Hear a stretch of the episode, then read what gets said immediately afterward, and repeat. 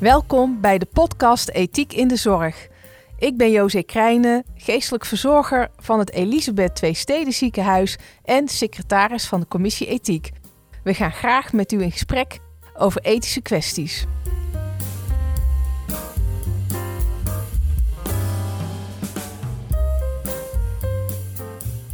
Welkom eh, bij deze nieuwe podcast Beddenbende. En we hebben in de studio uh, Loes Kleefas, die ons uh, daarover wat komt vertellen. Maar Loes, stel jezelf eerst eens voor. Wie ben jij? Ja, nou, mijn naam is dus Loes Kleefas en um, ik uh, werk als projectleider integraal capaciteitsmanagement in het ETZ. Uh, inmiddels al iets meer dan drie jaar, dus de tijd gaat snel. Oké, okay. en capaciteitsmanagement, wat moet ik me daarbij voorstellen? Ja, dat, uh, die vraag stelt iedereen natuurlijk. um, wat wij eigenlijk doen is, wij maken met ons team bepaalde voorspelmodellen. Dus wij voorspellen uh, de patiëntvraag die op ons ziekenhuis afkomt op verschillende niveaus. Dus we doen dat uh, bijvoorbeeld voor de nieuwbouw, maar ook van vandaag op morgen. en dan kijken we hoeveel patiënten komen er naar ons toe en hoe kunnen we dan onze capaciteit daar zo goed mogelijk op inrichten zodat we niet te veel, maar ook niet te weinig capaciteit inzetten op het moment dat dat nodig is. En met capaciteit moet ik me dan voorstellen mensen ook, uh, planning van roosters, regen, uh, logistieke dingen zoals waar moeten de bedden naartoe? Ja, het gaat veel over mensen natuurlijk inderdaad. Want um, nou ja, heel vaak wordt er gesproken over we hebben een beddentekort. Maar een, een bed zonder onze collega's die daar uh, de patiënten behandelen is natuurlijk niks. dus het gaat heel erg veel over personeel. En inderdaad roosters, planningen maken. Uh, de zomer komt er weer aan, dus we hebben natuurlijk veel collega's die graag op vakantie willen. En dan kijken we van, nou ja, hoe kunnen we dat goed, uh, goed organiseren en goed regelen. Ja. ja. En naast de logistiek, nou, de logistieke kant hoort natuurlijk ook met allerlei collega's. Dat zijn ook allemaal mensen die ja. die bedden heen en weer vervoeren en schoonmaak, et cetera. Ja, een bedrijf is dit toch, hè? ja, ja. ja. ja.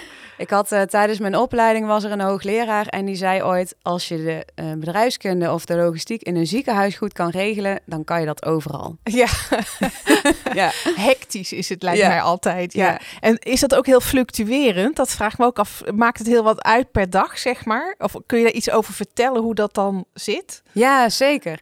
Um, nou, je ziet eigenlijk heel veel patronen. Dus je ziet bijvoorbeeld dat er door de weeks uh, in ons ziekenhuis altijd meer spoedpatiënten binnenkomen dan in het weekend. Um, dus dat zie je heel duidelijk.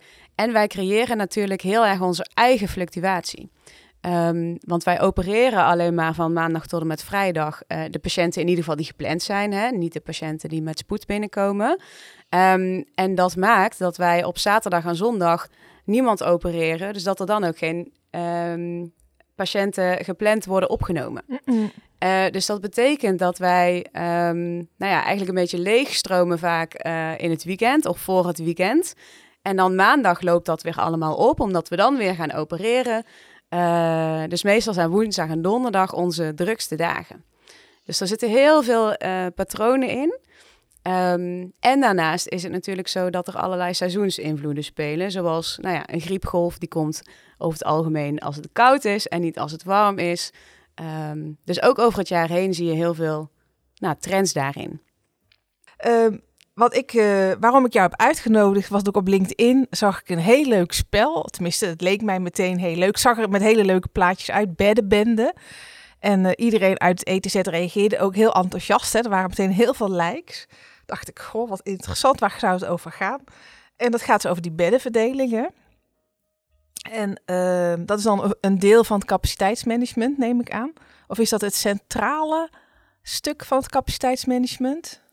Ja, capaciteitsmanagement is natuurlijk vrij centraal. In die zin dat wij uh, de capaciteit altijd integraal bekijken. Um, dus bijvoorbeeld als we kijken naar de kliniek, dan kijken we echt naar de volledige kliniek.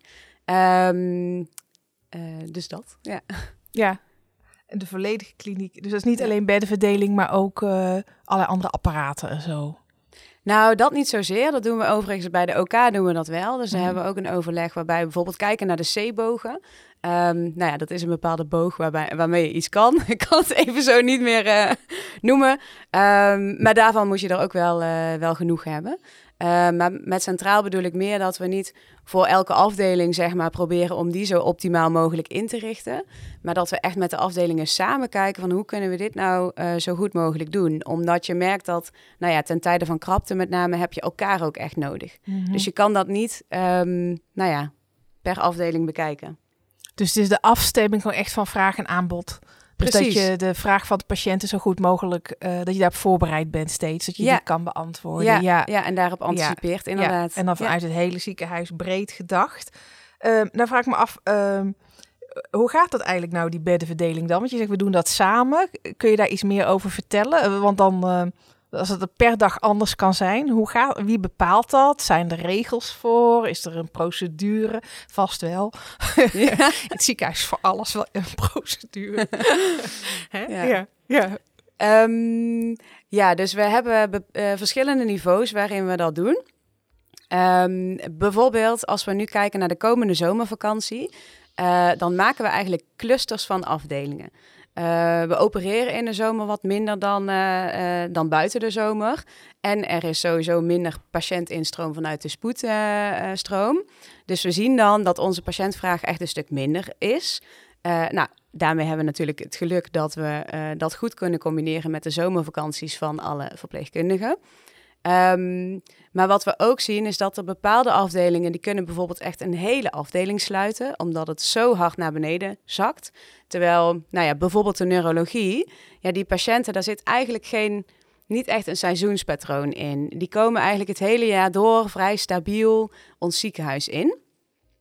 Uh, maar het zou natuurlijk vervelend zijn als patiënten die bij de neurologie, of sorry, verpleegkundigen die bij de neurologie werken, geen vakantie kunnen krijgen, maar iemand die bij de orthopedie werkt, bijvoorbeeld wel. Dus wat we dan doen is dat we clusteroverleggen hebben. Dat zijn eigenlijk overleggen met de teamleiders van de verschillende afdelingen. En daarin gaan we kijken hoe kunnen we elkaar nou helpen om uh, toch de patiëntvraag te kunnen, aan de patiëntvraag te kunnen voldoen. Uh, maar ook uh, onze verpleegkundigen allemaal op vakantie uh, te krijgen. Ja, dus dat is één voorbeeld van een overleg wat we hebben ingericht. Om te zorgen dat we dat dus samen met elkaar goed afstemmen. Ja. ja, en ik begreep ook dat je dat elke ochtend even hebt, toch? Het beddenoverleg. Ja, klopt. Ja? We hebben elke ochtend, of in ieder geval maandag tot en met vrijdag, om negen uur hebben we elke ochtend een Stavasa-overleg, heet dat. Uh, dat is met alle teamleiders van de verschillende verpleegafdelingen. De spoedeisende hulp zit daarbij uh, en de intensive care. En dan kijken we dus naar uh, hoeveel patiënten komen er vandaag nog binnen. Hoeveel liggen er al? hoeveel bedden zijn er nog leeg? Hoeveel spoed verwachten we vandaag? En dan zien we dus eigenlijk in dat dashboard met, nou ja, heel simpel met kleurtjes eigenlijk, groen, rood of oranje. Um, ga je tot en met morgen goed aan je patiëntvraag voldoen. Ja. En als we dus bijvoorbeeld zien dat een afdeling in het rood staat, dan gaan we in dat overleg kijken. Um, hè, nou, betekent dat dan dat een andere afdeling een aantal patiënten van die afdeling overneemt? Of betekent het juist dat er misschien even iemand kan helpen op de afdeling die in het rood komt? Uh, dus in dat overleg wordt goed gekeken naar hoe komen we nou eigenlijk vandaag en morgen met elkaar goed door. Ja. En uh, we, hebben, het ook gehad, of je hoort steeds meer en je leest. Er was ook allerlei artikelen weer vanuit hier, waar en ook dit uh, beddenverdeling werd genoemd met uh, Art en Katelijne in Brabants Dagblad.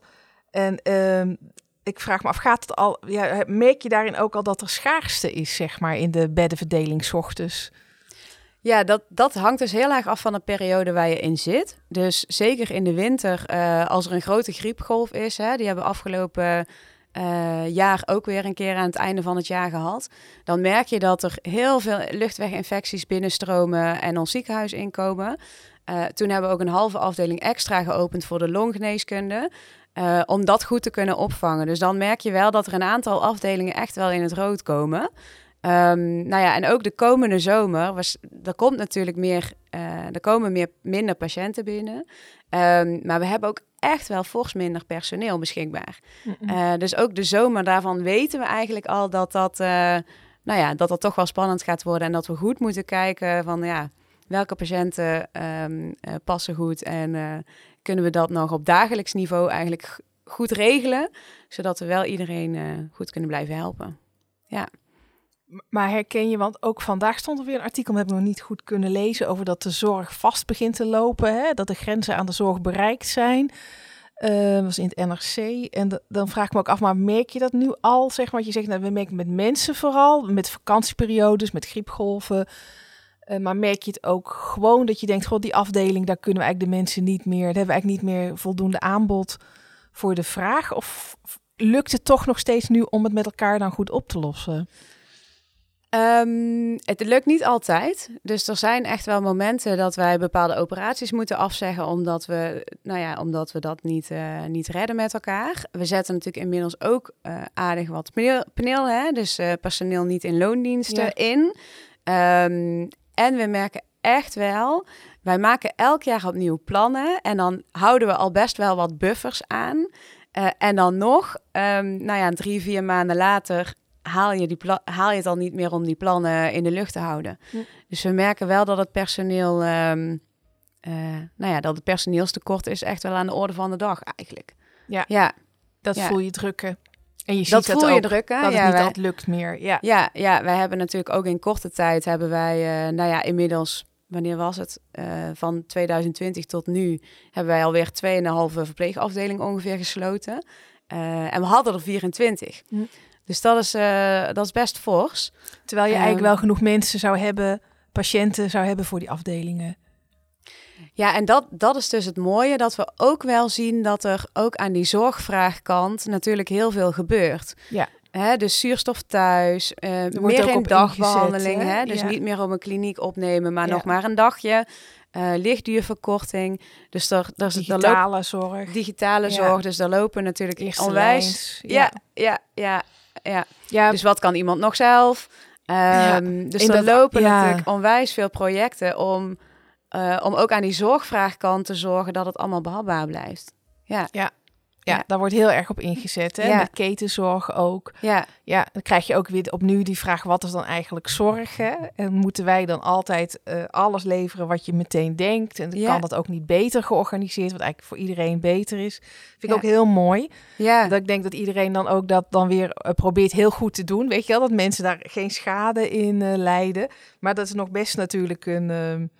Ben heel benieuwd hoe dat in de toekomst gaat, zeg Ja. maar. Van, eh, hè, de, je kunt nu nog met efficiëntie misschien heel veel goeds doen. Ja, wat we zien eigenlijk is dat, ehm, zeg maar twee tot drie jaar geleden was de, de benutting eigenlijk van onze bedden, die was nog een stukje lager. Ehm, nou, die zit nu echt wel op een niveau dat je zegt, nou, dit is gewoon een goede benutting. Hè? Meer moet dat niet gaan worden, want dan ga je echt, nou ja, tegen de grenzen van je capaciteit aan, eh, aanlopen. Ehm, dus nu krijg je een omslagpunt naar, ehm, ja, de lucht is eigenlijk eh, uit de kliniek. Eh, dus nu krijg je wel echt een omslagpunt. Nou ja, nu moet het dus alles wat we nog in capaciteit naar beneden gaan, moet dus ook echt eh, ook naar beneden gaan in zorgvraag. Ja, en daarin zit natuurlijk nog wel heel veel spannende dingen van... ehm, je hebt zoiets als social justice, hè? dat de mensen die sociaal-economisch slechter eh, zijn... dat dat ook vaak de mensen zijn die eh, ja, zeg maar allerlei... een beetje veel roken of drinken, veel middelen gebruiken. Statistisch is dat dan zo, hè? En moet je die dan op een gegeven moment nog gaan helpen of niet? Eh, zijn die mensen wel weerbaar? Wat te denken van mensen die geen mantelzorg hebben en ook niet buren of zo die voor hun willen zorgen? Hè? Van, dus dat, dat wordt wel iets waar we denken als samenleving, maar hoef jij nu niet. ja, Maar als samenleving, hoe gaan wij dan zorgen? ja, Hè? En, Ja, eh, en en, wie vallen er buiten? Eh, ja, ja, hoe behoud je wat we nu... Nu is eigenlijk best wel goed gegarandeerd, denk ik. Hoewel er ook nu al heel veel verschillen... Nou ja, eh, een andere discussie. Ik wil eigenlijk over jouw spel gaan praten. Want jouw spel is bedoeld om mensen ehm, eh, te helpen... eigenlijk om daar goed mee om te gaan met die beddenverdeling, toch? Kun je daar iets over uitleggen? Ja, zeker. Ehm, Want het scoort hoog, hè? Ja, ja, het is Ja. eh, de reacties, eh, nou bijna overweldigend zou ik willen zeggen. Ja. Echt heel erg leuk. Ehm, en eh, we hebben eigenlijk dit spel inderdaad ontwikkeld om eh, een beetje door je vingers te laten glijden van wat gebeurt er nou in zo'n groot ziekenhuis. Als het gaat over, hè, er stromen patiënten in, eh, binnen, eh, er gaan patiënten naar huis, je hebt bepaalde afdelingen, die hebben een bepaalde capaciteit. En hoe, ja, hoe run je nou eigenlijk dat ziekenhuis? En ehm, nou, we hebben dus dat spel ontwikkeld omdat we dachten... ehm, ja, we kunnen het wel suf eh, gaan vertellen, ehm, maar volgens mij gaat het vooral even om het ervaren daarvan. En hoe het spel werkt is dat eh, je speelt eigenlijk zeven dagen en elke dag gebeurt er iets. Dus je draait dan een kaart om en dan staat bijvoorbeeld op... eh, de rode afdeling heeft vandaag personeelstekort, dus kan één bed minder gebruiken. Nou, dan voer je die, die gebeurtenis voer je uit en dan begint eigenlijk nou ja, de ronde. En wat je doet is, er stromen elke dag dus patiënten binnen. Dat kunnen patiënten zijn eh, die van de IC naar een afdeling moeten, spoedpatiënten, eh, geplande patiënten, buitenregionale patiënten. Hè, die hebben we natuurlijk ook. Dat zijn patiënten die, ehm, die van buiten onze regio, of nou ja, binnen onze regio, dus bijvoorbeeld vanuit Breda of vanuit Eindhoven, naar ons ziekenhuis komen omdat ze bepaalde behandelingen daar niet doen. En wij de enige zijn in de regio die dat dus wel doen. Eh, dus die patiënten stromen allemaal binnen. En eh, die moet je eigenlijk met elkaar gaan verdelen. Dus elke speler heeft één afdeling met drie bedden. Ehm, en met elkaar ga je dus kijken van, nou ja, welke patiënt leg ik op dit moment op welke afdeling. En uh, nou, idealiter, als jij een gele patiënt ziet, dan wil je die het liefst op een gele afdeling leggen. Uh, want anders moet hij langer in het ziekenhuis blijven als hij op een andere afdeling terechtkomt. Nou, het idee van het spel is dus dat de ronde voorbij is zodra je allemaal akkoord bent over hoe je de patiënten hebt verdeeld. Um, en dan ga je eigenlijk punten tellen. Dus dan ga je voor patiënten die je ontslaat, krijg je bijvoorbeeld punten. Um, maar als er nog patiënten in de wachtrij liggen van jouw kleur bijvoorbeeld, dan krijg je weer minpunten. Nou, zo krijg je een bepaalde puntentelling voor jou als speler. Um, en je kan dus het spel winnen als jij als afdeling de meeste punten scoort. Uh, dus je hebt ook wel een bepaald belang bij welke patiënten je dus opneemt. Uh, maar je kan als ziekenhuis in totaal verliezen als je dus alle levens verliest. En dat kan bijvoorbeeld als nou ja, een patiënt te lang in de wachtrij ligt... of als je een spoedpatiënt niet direct hebt opgenomen. Um, nou, dan verlies je een leven. Dus dat is een beetje de balans waar je, waar je naar op zoek gaat in dat spel. Mhm. Mm -hmm. Ja. En, en, kun je dan aangeven wat, wat je daar hiermee beoogt? Ja, dus wat wij, uh, wat eigenlijk de doelstelling is die wij hebben geformuleerd voor het spel, is dat we uh, zeggen van um, wat we willen bereiken is dat je dus um, uh, zeg maar de, de, je niet alleen verantwoordelijk voelt voor de patiënt op je eigen afdeling, maar dat je verantwoordelijk voelt voor alle patiënten uh, op de juiste plek. Dus dat je inderdaad daarin dus wat breder gaat kijken dan, dan je eigen afdeling. Ja. ja. En, en vanuit uh, waarde meer bekeken zou je dan zeggen, het gaat om rechtvaardigheid, denk ik, voor de patiënten. En solidariteit onderling. Dat je met elkaar uh, rekening met elkaar houdt. Hè? Dat, ja. je, dat je kan delen met elkaar. Ja, ja, precies. En uh, het gaat heel veel over geven en nemen natuurlijk. Ja. Hè? Van ik, ik neem vandaag een patiënt van jou over. Doe jij dat dan morgen ook voor mij? Um, en, en, niet gaan scoren voor je eigen afdeling. Of ja, of, ja, ja. of, of, of de, ja. ja. En het is natuurlijk, kijk, het is natuurlijk ook een beetje als een soort grapje bedoeld richting de praktijk, hè? Ja. Um, want in de praktijk is dat niet zo makkelijk. Hè, je hebt voor een vak gekozen als verpleegkundige. Nou, je, je hebt je ergens in gespecialiseerd. Ja. Uh, hè, je voelt je misschien minder um, uh, nou ja, bekwaam of prettig als er een, een, een patiënt van een andere afdeling op jouw afdeling terechtkomt. Hè? Uh, dat kan best wel ingewikkeld zijn. Um, dus je hebt ook wel een belang als afdeling om bijvoorbeeld niet te veel patiënten van een ander specialisme op jouw afdeling te leggen. Het gaat natuurlijk ook veel over kwaliteit van zorg die je wil kunnen bieden. Um, dus er zitten heel veel elementen eigenlijk in het spel. Uh, die in de praktijk uh, nou ja, wel een stukje complexer zijn natuurlijk. Um, maar wel echt naar voren komen. Ja. ja. En wordt het spel dan ook gebruikt om daar ook over te praten? Zo van, uh, nee, dan kunnen we misschien niet de zorg leveren die we normaal, volgens de standaarden die we normaal, hand, hè, die we normaal nastreven. Maar misschien moet, is, wanneer vinden we dan uh, toch goed genoeg wat we doen? Waar zeg maar een soort ondergrens van wat we acceptabel vinden? Dat, is dat rekbaar, zulke dingen? Wordt er over gepraat? Ja, wat we dus doen is dat wij um, na elk spel draaien ook één reflectiekaart om. Hè? Er zitten een aantal reflectiekaarten in. Eh, en die kaart zorgt er eigenlijk voor dat je dus echt met elkaar in gesprek gaat over, nou ja, wat hebben we nou eigenlijk gedaan? Hoe doen we dit in de praktijk? Uh, wat zouden we bijvoorbeeld meer terug willen zien in de praktijk? Wat willen we Mhm. minder terugzien? Ehm kijk, in, er wordt niet echt over casuïstiek gepraat door het spel. Dat niet. Eh, het, hè, we, we hebben patiënten die heten bijvoorbeeld allemaal Harry.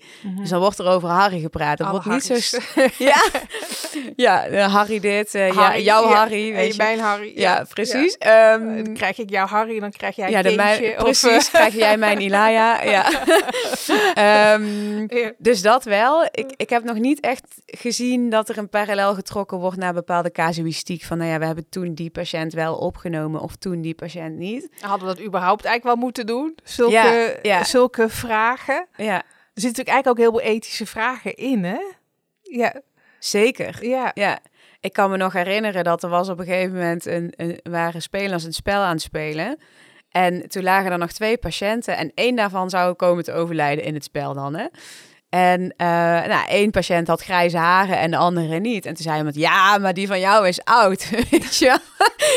Dus het is, hè, en dan krijg je een beetje zo, zo prikkelend. Ehm, eh, maar dit, dat zijn Ja. natuurlijk, daar zit Het- natuurlijk het wel hele achter. Ja, het zijn hele reële vragen. Die we Ja. ons natuurlijk ook hardop moeten gaan stellen. Ja, ja, en het popt Ja. natuurlijk niet vanzelf op. Nee, Eh, dus, Nee. dus die parallellen zie je wel in het spel ontstaan. Ehm, ja, het zet je wel aan het denken, denk ik. ja, ik, het zou mooi zijn om dat nog misschien af en toe hieraan te verbinden, denk ik. Dat je ook een ethisch gesprek hierover voert. Van, eh, van, ik denk dat als je weet waarom je wel of niet die oudere patiënt opneemt, of dat je weet waarom je wel of niet ehm, eh, Harry eh, wel, wel of niet opneemt, of dat je eh, vindt dat Harry op een gegeven moment nu wel genoeg behandeld is of zo.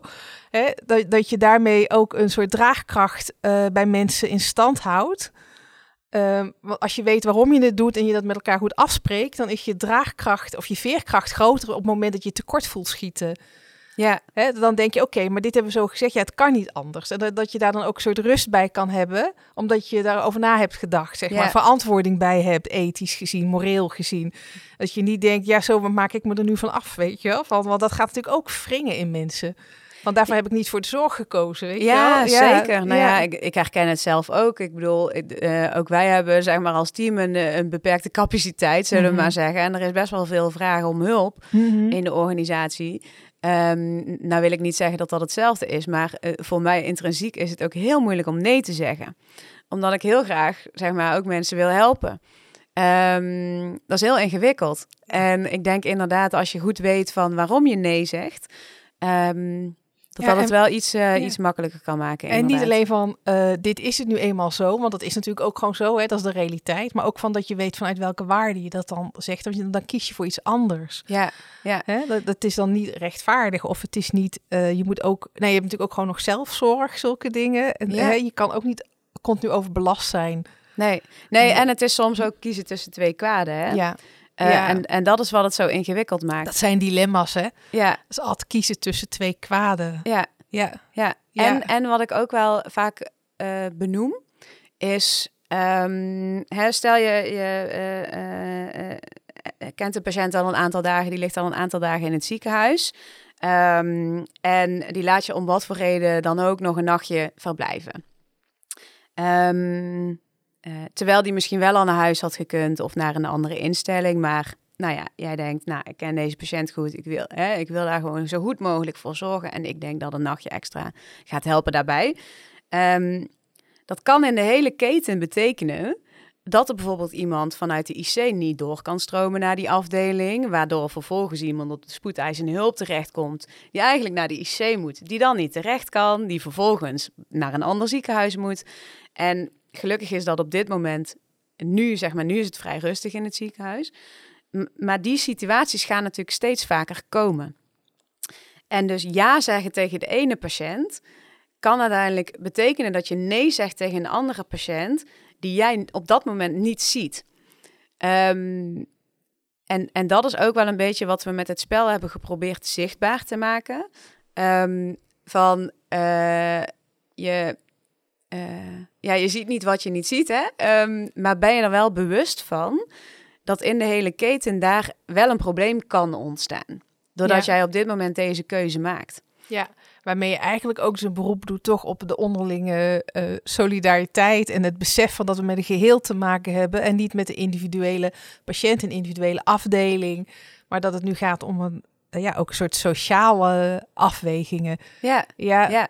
het is natuurlijk, hè, dat, ik las la- laatst een stuk dat ging over de, de verantwoordelijkheid van artsen, waarbij werd gezegd, nou eerst was het heel inhoudelijk, toen werd het weer wat menselijker, maar nu is het inmiddels maatschappelijk. ja, Hè, je bent eh, steeds meer ook maatschappelijk verantwoordelijk Ja. voor een deel van, eh, van de zorg. ja, en waar willen we dan maatschappelijk, zeg maar, hoe kunnen we erachter staan met wat we doen? Hè? Ja. Dus, en daarbij is de, jouw spel, zeg maar, weer een eh, beweging die kant op om met, elkaar- met elkaar over na te denken. Ja, Hè? en over in gesprek te en gaan over in inderdaad. gesprek te gaan. Ja, mooi. Ja, Hartelijk dank. Ik hoop dat het heel veel gebruikt gaat worden. Het ziet er ieder geval prachtig uit. Ik heb het uitgebreid eh, bekeken. Ja, leuk. ja, heel veel, ja, en mooi. En eh, nou ja, als er nog meer behoefte is aan eh, ethische gesprekken, ook over dit soort onderwerpen, is de commissie ethiek altijd bereid eh, mee te denken of te faciliteren. Kijk, ja. Ja, Leuk. Ja, we hebben het daar natuurlijk al over gehad. Hè? En Ja. ik, ik denk dat daar wel, eh, ehm, nou ja, ruimte voor komt. En Ja, het ik, hoeft ik niet denk dat het heel passend is. Ja, dat denk ik namelijk doen. ook. Ja, Ja. Het is niet de bedoeling dat je dan dagenlang gaat lopen, zeg maar, eh, zagen. Maar wel dat je gewoon even heel goed denkt, maar waarom doen we dat dan zo? Van, Ja. Op basis van wat? Ja, Ja. ja. mooi Ja. om daarbij stil te staan inderdaad. wat vinden we nu zorg en wat vinden we nu goede zorg? Ja. ja. Leuk. Dankjewel. Dank. Ja,